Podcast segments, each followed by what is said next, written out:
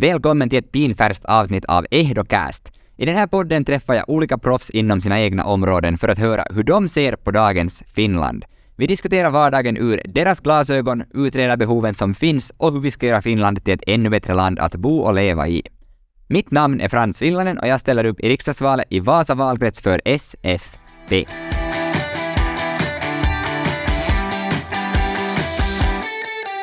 Dagens gäst är en av de mest sympatiska politikerna jag träffat under mina aktiva år i Vasapolitiken. Och det verkar många väljare också tycka. I kommunalvalet så var du tredje på Svenska folkpartiets lista i Vasa och i historiska välfärdsområdesvalet kammade du hem en massa röster. Nu basar du också över Pampas vård och räddningsväsende samtidigt som du har lämnat de flesta uppdragen inom Vasa stad bakom dig och det är med glädje som jag välkomnar Österbottens välfärdsområdes styrelseordförande Anne Salovara Kero till podden. Kul att ha dig här. Tack för att jag fick komma. Det var en lång mening, jag höll på att tappa, tappa vad heter det, andan redan på den. Hör du, jag hade egentligen en grej som jag hade tänkt fråga till först, men så kom jag på en annan när vi satt här nu. Visst var det så att du har bytt modersmål i tiden? Det har jag gjort, ja. Mitt egentliga modersmål är ju faktiskt finska. Jag kommer från en helt pur finsk familj. Vad var grejen? Det var sjukhuskamp, så den har en SOTE-anknytning. Det, det var, jag blev så ilsken på ja, vad regeringen höll på att göra, att inte ge oss full jour. Och tänkte att nu, nu liksom så är det mitt sätt att bidra, bidra till det att det blir en svenskspråkig till, okay. till som behöver svenska, vad heter det, få vården på sitt eget modersmål. Så bytte jag bytte jag modersmål och gjorde ett blogginlägg om det som får faktiskt ända ut till Hesari skrev om det. Och det visade sig att det var ganska många som följde mitt exempel sedan. Okej, okay. har du koll på hur många som bytt modersmål? Nej, det vet inte, inte, jag vet inte, men det kom igång sedan faktiskt, att, att det, det spred sig ganska. Hur, hur är det att vara, vara vad heter det, svenskspråkig nu då så här också på pappret? Och till pappret så är det att alla, alla handlingar kommer till mig på svenska nu, numera. FPA och allt sånt här. Så breven kommer på svenska, förr gjorde det på finska. vad roligt. Men annars är det väl helt okej. Livet fortsätter precis som innan det där. Ja, ja, ja. Det där, an, I och med att du blev invald till välfärdsområdet och blev styrelseordförande så har du sagt upp de flesta förtroendeuppdragen inom Vasa stad. Du sitter med i fullmäktige ännu, men i övrigt så är du inte, inte desto mer involverad. Hur mycket saknar du Vasa stads den här kommunala hetluften? Saknar kanske fel ord. Jag var, jag var tio år så gott som i stadsstyrelsen med allt vad det innebär med sektioner och så bortåt. Det var en jätterolig tid. Men, men äh, med tanke på den post jag har nu så är jag minst sagt i hetluften också. Ganska, ganska liksom rejält. Att, att det där, visst kan jag sakna, sakna men, men det är liksom, allt har sin tid och så, så öppnas en annan dörr. Och som sagt, jag är ju ändå sådär med i fullmäktige, så jag får ju hänga med er. Exakt, och det är vi tacksamma med. Vi sitter alltså bredvid varandra i, i fullmäktigesalen fortfarande. Det, så är det. En, en rolig bekantskap där. Mm. Som du sa, du sitter på en tung post inom välfärdsområdet. Och det är mycket ansvar. Hur, hur ser du på din roll som styrelseordförande? Det är ett enormt ansvarsfullt uppdrag. Det är också jätteintressant. Eh, vi var här i, i Lahtis nu, samlat liksom alla styrelseordföranden från de olika välfärdsområdena tillsammans med representanter från de olika ministerierna. Och, och det, där, det är ju nog en, en liksom historisk chans att få se hur en sån här enorm reform byggs ut och utvecklas. Samtidigt så har det stora, stora utmaningar. Men nu är det liksom få vara sådär näköala paikalla mm. på finska, så att säga, att, att se hur det här far. Och sedan, alltså i grund och botten så är jag ju där för att jag vill att vi ska lyckas med den här reformen. Det är jätteviktigt för hela Finland, det är viktigt för vår region, för, för människorna som behöver vård och omsorg. Så det, det är ju därför jag är med, för att jag tycker det är livsviktigt att vi, vi ska lyckas med det här. Vi ska riktigt strax gå in lite mer på sak och välfärdsområdet, vad det, vad det innebär, hur det ser ut. Men jag måste fråga den här, den här ena frågan som jag funderat på själv, för det finns en enorm paradox i din roll. Jättemånga människor skulle säkert ge ganska mycket för att få ha den här platsen som du har. Samtidigt tror jag inte det finns en endaste en som är avundsjuk på dig för den rollen du har. Och, och jag tycker det är jättefascinerande att så här ett år in i verksamheten ungefär sen valet var, så har du fortfarande lyckats undvika mediernas skottglugg. Om man tänker hur mycket det har varit liksom olika formers publicitet kring välfärdsområdet, så måste jag fråga att hur gör man? Hur lyckas man med det här konststycket att liksom dodge the bullets och, och fortfarande visa upp den här bilden vem man verkligen är? Du har inte blivit målad som på väggen ännu på något sätt sådär. Hur, vad är hemligheten? Jag har inget svar, det är ingen hemlighet. Jag har ända från, jag har varit med 20 år i politiken Och jag har bara tänkt att jag, jag är jag. Mm. Jag gör det här på mitt sätt. Jag gör det ärligt och jag gör så gott jag kan. Ibland missar man någonting, men jag gör mitt bästa. Mm. Och försöker hålla alltså dialogen öppen överallt. Säkert kanske hamnar jag i skottgluggen här i något, något skede ännu, men då tar vi det sen. Nej, då tar vi Då, det. tar- då tar vi det sen. Vi ska hoppas Men- det Men det där inte, inte jag, jag tänker som i livet överlag, politik är inte heller någon raketvetenskap. Men vi är alla människor. Och, och vad heter det? Och sen att man har ett, eller som jag tänker själv, att jag har ett genuint intresse att vara med och utveckla och påverka i de här frågorna. Så, Och sist och slutligen så är ju alla beslut större än en person. så är det ju. Det är klart att om man är ordförande så då är man liksom talespersonen, den som medierringer, men att det är ju inte på något vis du som har med järnhand drivit igenom något beslut i så fall heller. Att det är kanske viktigt för alla att komma ihåg. Nej, nej utan det, det är ju precis det. Det är ju gemensamma beslut vi sedan tar. Men givetvis sedan, vad heter det, tiden, tiden visar hur tuffa beslut vi ännu kommer att ta. Så det, är klart, då kommer jag säkert att, att stå där i blåsvädret. Och det kommer är jag där. Ja, då står du där. Och det kommer inte att vara lätt, det vet vi, det vet ju alla. Om vi ska gå in lite på sak här nu, så nu har välfärdsområdena inlett sin verksamhet. Januari 2023, då började allting. Men i Österbotten, där har man varit steget före. Vad kommer det här innebära nu för Österbottens välfärdsområde att ha varit ett steg före i övergången jämfört med de andra områdena?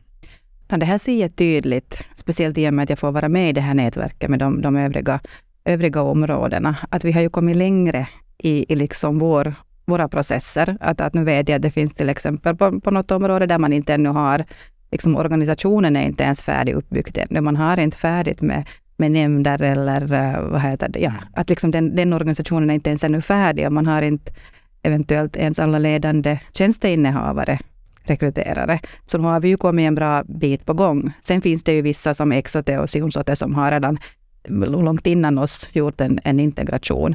Men på det viset så har vi liksom, ja vi är steget före i våra, våra processer. Vi har en färdig organisation, processen, vi är liksom i full, full gång med, med det där arbetet här.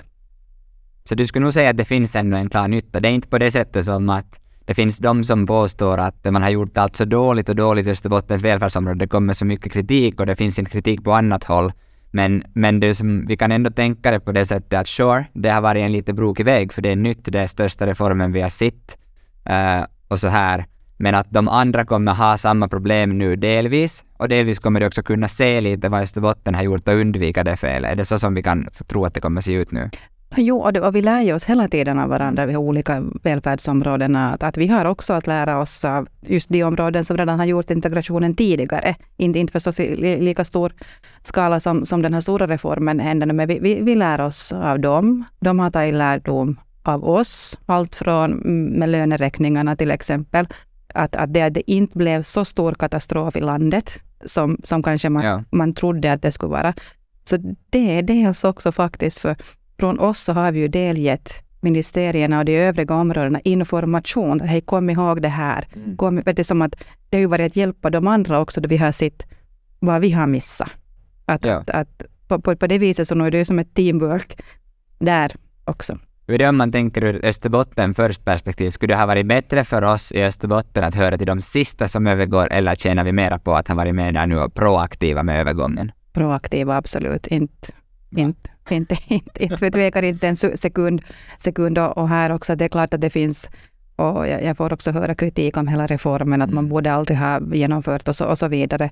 Men, men så som jag, tåget går. Det är det, det jag har sagt både till, till alltså de som är kritiska, och kritisk får man vara, men, Mm. men tåget går. Det Mm. enda vi kan göra nu är att försöka göra det här så bra som möjligt med de begränsade resurser vi har. Att, att det är liksom att spilla energi på någonting helt onödigt, att jossitella, att man borde aldrig ha gått in för det här bort. Jag menar, men jo, Ja, och, och vad heter det, det var ju som, som du sa, det var ju som lite kanske meningen att det borde hända också. Inte det, hur det har varit tidigare, inte har det nödvändigtvis fungerat heller, så som det har varit. Att inte liksom, inte skulle det ha varit bara bra om du skulle ha fortsatt på den där gamla vägen heller, inte fortsatt på sandvägen istället för att asfaltera den. Att det är klart att den asfalten måste Mm. sätta sig och, och så här, men att sen när den finns där och allting, och det kommer ju säkert gå hela den här perioden åt mer eller mindre att få saker att fungera faktiskt och igång och kanske in på nästa också, men att sen, sen förhoppningsvis så.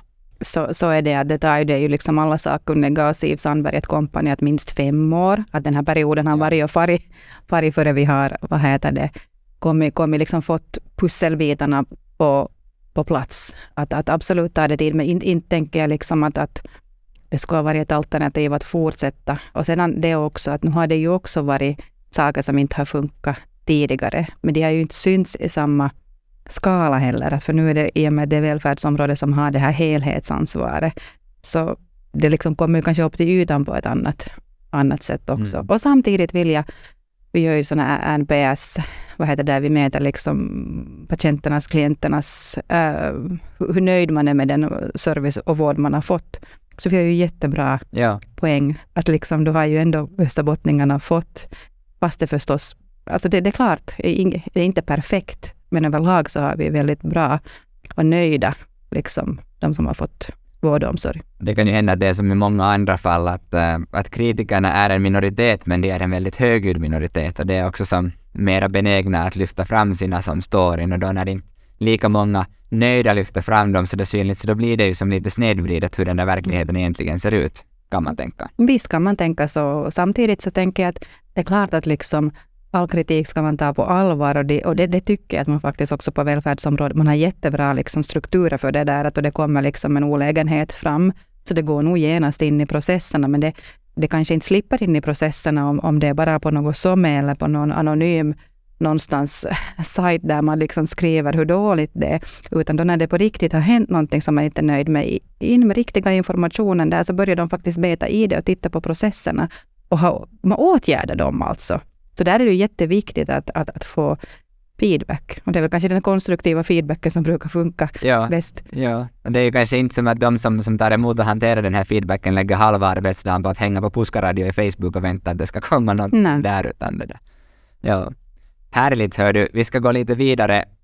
Ända sedan reformen drevs igenom har det stått ganska klart att olika välfärdsområden kommer inleda sin verksamhet på minus. I Österbotten pratar vi om eh, 20-30 miljoner under budget först. Sen kom det från regeringen ett paket på, rätta mig om jag har fel, men en halv miljard till ungefär.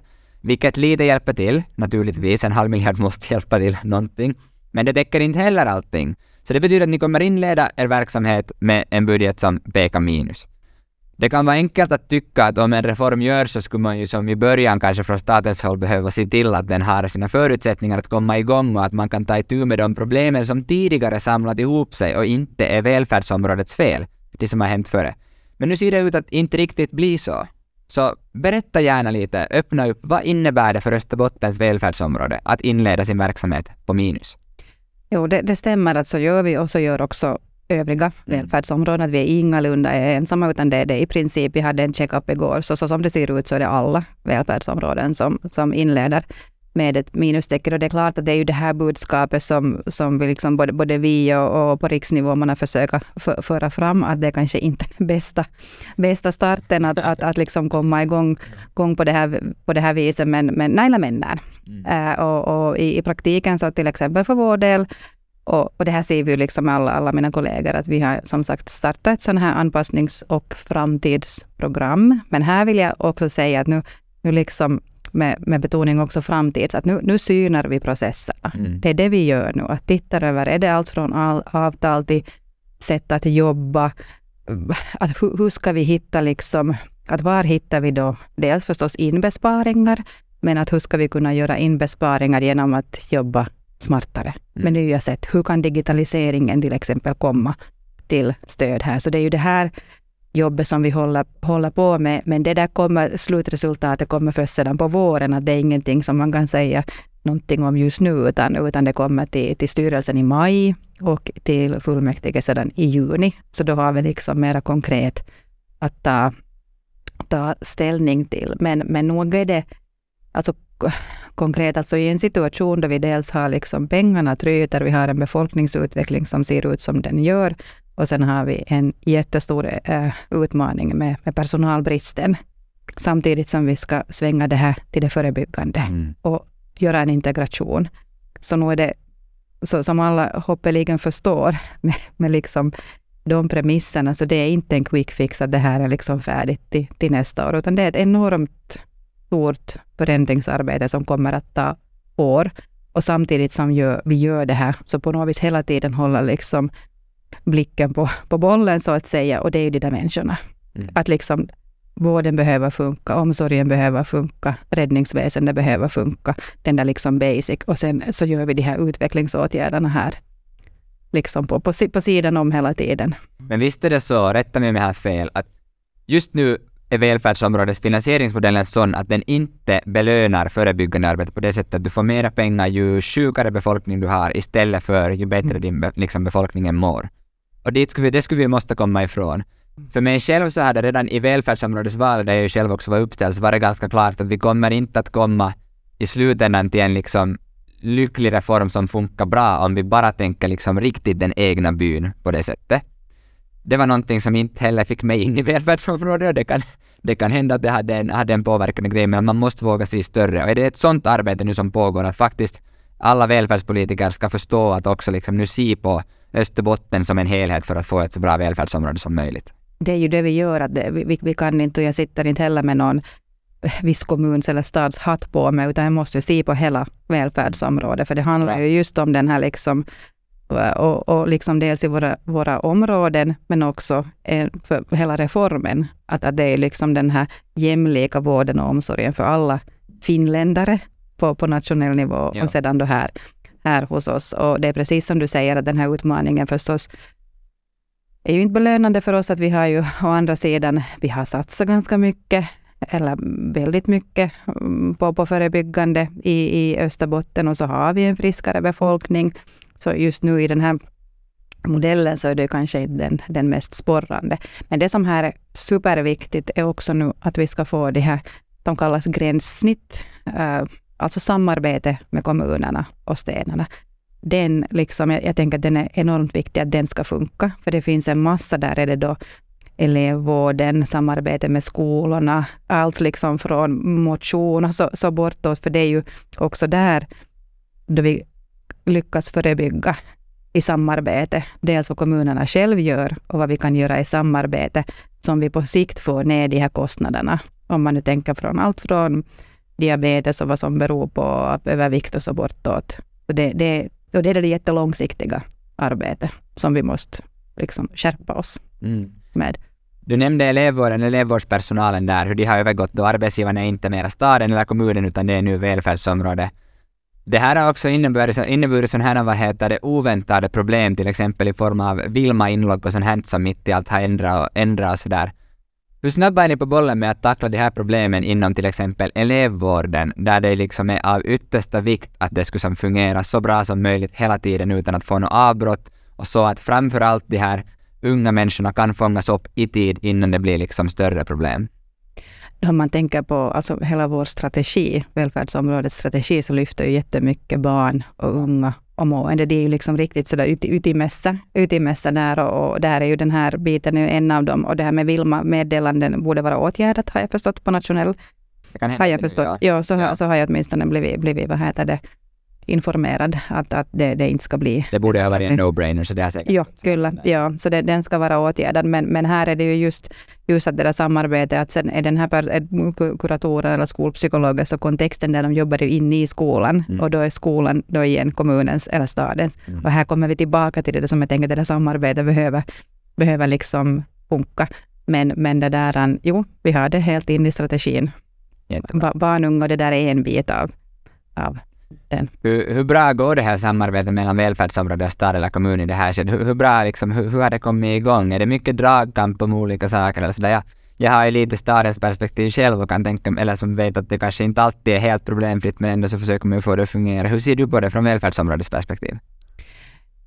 Nog funkar det men det ska nog också kunna bli ännu, ännu bättre. Mm. Jag, jag, kan tänka mig det här helt, alltså såna fria tankar från, från mig själv, men, men man tänker hela den här reformen och de här senaste åren, man har ju liksom tillsammans liksom verkligen vänt och vridit, vridit de, här, de här frågorna. Att eventuellt en liten trötthet också. Och det här gäller inte bara nu Österbotten, utan det här hör jag ju liksom från ja. liksom i hela landet. Att, att en, en viss sån här trötthet. Men, men det där, jag själv tänker att nu är det nog bara att kavla upp ärmarna igen. Och just det där att, att att det är inte så där att, liksom, om man tänker förebyggande, för det är hela tiden så där, vet man är lite som vetenpiirretty raja. Förlåt mig, jag kommer med min finska här. Ja, men, Vi har ju till och med ett finskt namn på den här. Okej. Okay. ja, ja, att, att man är hela tiden liksom, att, att när är vi liksom på, på sote, så att säga, att vad är social hälsovård och vad är förebyggande.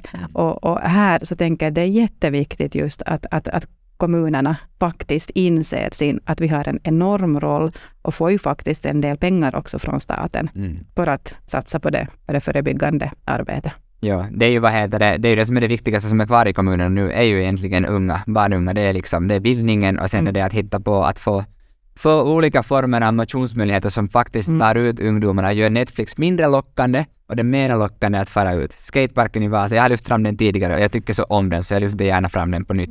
Man går förbi, man kollar hur mycket ungdomar där är och härjar och har det roligt och svettas i en par timmar och så far de någonstans vidare sen. Den här vardags liksom glädjen i att röra på sig som vi behöver få från en ung ålder, en sund inställning till att röra på sig uppåt och då kommer det liksom sen om, om 20-30 år till exempel så kommer det att synas i vården också att vår befolkning mår bättre. 40 procent av barnen har inte en usel kondition utan det har liksom stigit.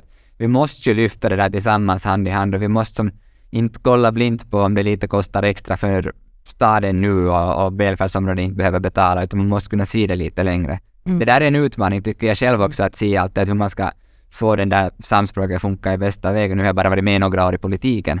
Men det är ju någonting som skulle måste fungera för att det i längden ska gynna alla. No, men det, det är precis så. Och sen att, att, att se det liksom från ännu större perspektiv, att det här är inte bara förebyggande eller, eller social hälsovård, utan det handlar ju om överhuvudtaget välmående. Vi behöver liksom service för att vi ska kunna locka hit familjer att flytta hit, få våra studerande att stanna här. Så den här servicen ska finnas här för att de sedan ska kunna vara här och jobba i vårt energikluster eller Yes. whatever. Att, att det är ju liksom att, att se det liksom faktiskt sätta sig i den där helikoptern och, och titta på det från ett helhetsperspektiv. Ja, det är enkelt att tänka att man bara behöver bygga bostäder så man får någonstans att bo till människorna som kommer hit. Men inte det är någon som flyttar någonstans efter en bostad utan det ska nog finnas annat där också nu för tiden. Mm. Vi har pratat om att verksamheten inleds på minus. Vi har pratat om lite hur det ser ut där med samarbete med stad och kommun och så. Men jag tänker ännu fråga en så här klargörande fråga att var ser du själv att det är mest utmaningar just nu? tillgången till personal. Det, det är liksom absolut, om jag tänker liksom så det, det, det som jag mest bekymrar mig över, det är klart det är ekonomin eh, och, och det går hand i hand, men tillgången till personal och att, att vi ska kunna hålla fast vid den. Vi har jätteduktig personal, vi har duktiga människor som jobbar där, men att, att hur, hur vi ska lyckas hålla fast vid dem, att de ska orka och trivas vid oss. Och därför har vi ju det också i vår strategi. Det är en av de här liksom viktigaste, viktigaste frågorna, att vi ska ha den bästa välfärdsområdespersonalen i landet Ja. hos oss. Men för att de ska kunna vara det, så betyder det också att vi ska också vara den bästa arbetsgivaren. Och dit är det en väg. Jag säger inte att vi är det, absolut inte, men på det viset att faktiskt ta till nya innovativa, liksom vad jag själv tänker att, att fast vi är en sån här enormt stor arbetsgivare, att kunna vara liksom en modern arbetsgivare som tar i beaktande människors olika livsskeden och, kunna liksom, ja, vara, vara mer flexibel och belönande och ta med dem. Det är det jag tänker att personalen har en massa smarta idéer. Att vi måste på riktigt lyssna till dem och kunna ja, ta tillvara på den. Men, men det är nog min, min, min största, liksom det som jag mest, mest bekymrar mig över. Och, och det där att varifrån vi ska få mera, mera personal. Det, det är klart, vi har liksom ibland att det är inte, till exempel psykologerna, nu skolpsykologerna, Mm. om jag minns rätt så 16. Jag menar, vi har ju inte sökanden. Nej. Så det är ett bekymmer. utbilda fler Mm. på den punkten. Jättebra att du säger det här personal tar beaktande och flexibilitet. Det kommer ju alltid ibland så här storyn om det här är kanske inte specifikt för Österbottens välfärdsområde, men att du söker om tjänstledighet en stund för att göra någonting, du beviljas inte så du säger upp dig istället. Och då måste man rekrytera en helt ny person och skola in, köra från början. Och den som säger upp sig hittar säkert ett jobb inom samma bransch annanstans, för bristen är ju påtaglig, som du sa också, Mm. tillgång till personal. Vad, vad har personalen så här, vad är liksom det där mera centrala, vad, vad hör man, vad är det som personalen vill ha? Har ni fått några sådär signaler där? Eh, jo, alltså det, det är klart, nu, nu är jag inte liksom så djupt inne i det att jag skulle hela tiden höra, höra vad personalen tycker, tycker och tänker. Men, men lönen är ju, jag menar, ni, vi vet alla situationen förra och det, det tycker det var bra att vi kom, kom till ett resultat. Att, att, att vårdarna är absolut värda, värda sin, sin lön. Och, Och då är det slutsnackat det. för politikers del och andras del liksom här och påverkande från välfärdsområdeshåll. Då finns det där, puff, Mm. det ska vara det. ja, Liksom. ja, ja, ja så, så är det. Men, men annars så tänker jag just den där, alltså delaktighet. Det är ju överhuvudtaget för människor att på något vis få vara liksom delaktig. Så nu Ja. tänker jag att det kommer också från, från personalen. Och sedan det, och här, här tänker jag nog att det, det liksom från högsta ledningen kommit, Att, att man ska kunna föra hem från en arbetsdag och kunna känna att jag har liksom kunnat göra ett tillräckligt bra jobb. Att det, Ja. det är säkert en målsättning för att nu liksom, det är jättebråttom. Mm. Det är jättebråttom där, där stundvis. Och, och, och det att om du känner att du inte kan göra ditt jobb så bra som du skulle alltså kunna, Ja, att på grund av den där brådskan och att, att liksom, äh, patienterna kommer i sån takt, så, så det är inte hållbart i längden. Nej, du har helt rätt. Mycket utmaningar har vi pratat om nu. Nu vänder vi på steken totalt och går istället åt beröm. Jag tänker fråga dig direkt så här. Vad är du mm, själv mest stoltast med över välfärdsområdet? Vilka saker gör dig mest stolt när det kommer till Österbottens välfärdsområde? personalen, för det är de som gör det. Eh, vi, vi beslutsfattare och tänker också liksom högsta ledningen, så, så är ju de som ska liksom möjliggöra det med absolut först och främst personalen. Sen tänker jag också att vi har en, en bra strategi. Och nu gäller det då för oss beslutsfattare att, att faktiskt hålla fast. Och det, det handlar om det där att liksom hålla, hålla blicken på bollen, så att vi ska komma dit i, i mål med det här enorma projektet. Och, och det som jag också är stolt över, att vi har en stark, faktiskt i det här förebyggande, där. Att den, den är liksom på riktigt med där. Med, med personalen utan tvekan. Och sen en sista fråga ännu innan vi är färdiga. Ifall det går vägen, hela vägen och jag börjar aktivt pendla till Arkadiabacken så får du ta en hälsning som jag ska ta med mig. Vilken hälsning är det? Finansieringen, det, är den där ena, Okej. den, den ena, en- ena biten. Sen tänker jag nog också faktiskt att, att det här med barn och unga, liksom det, det perspektivet och förebyggande, det, det får nog synas på, på riks, riksnivå också. Sedan hur vi ska lyckas ta hand om våra äldre.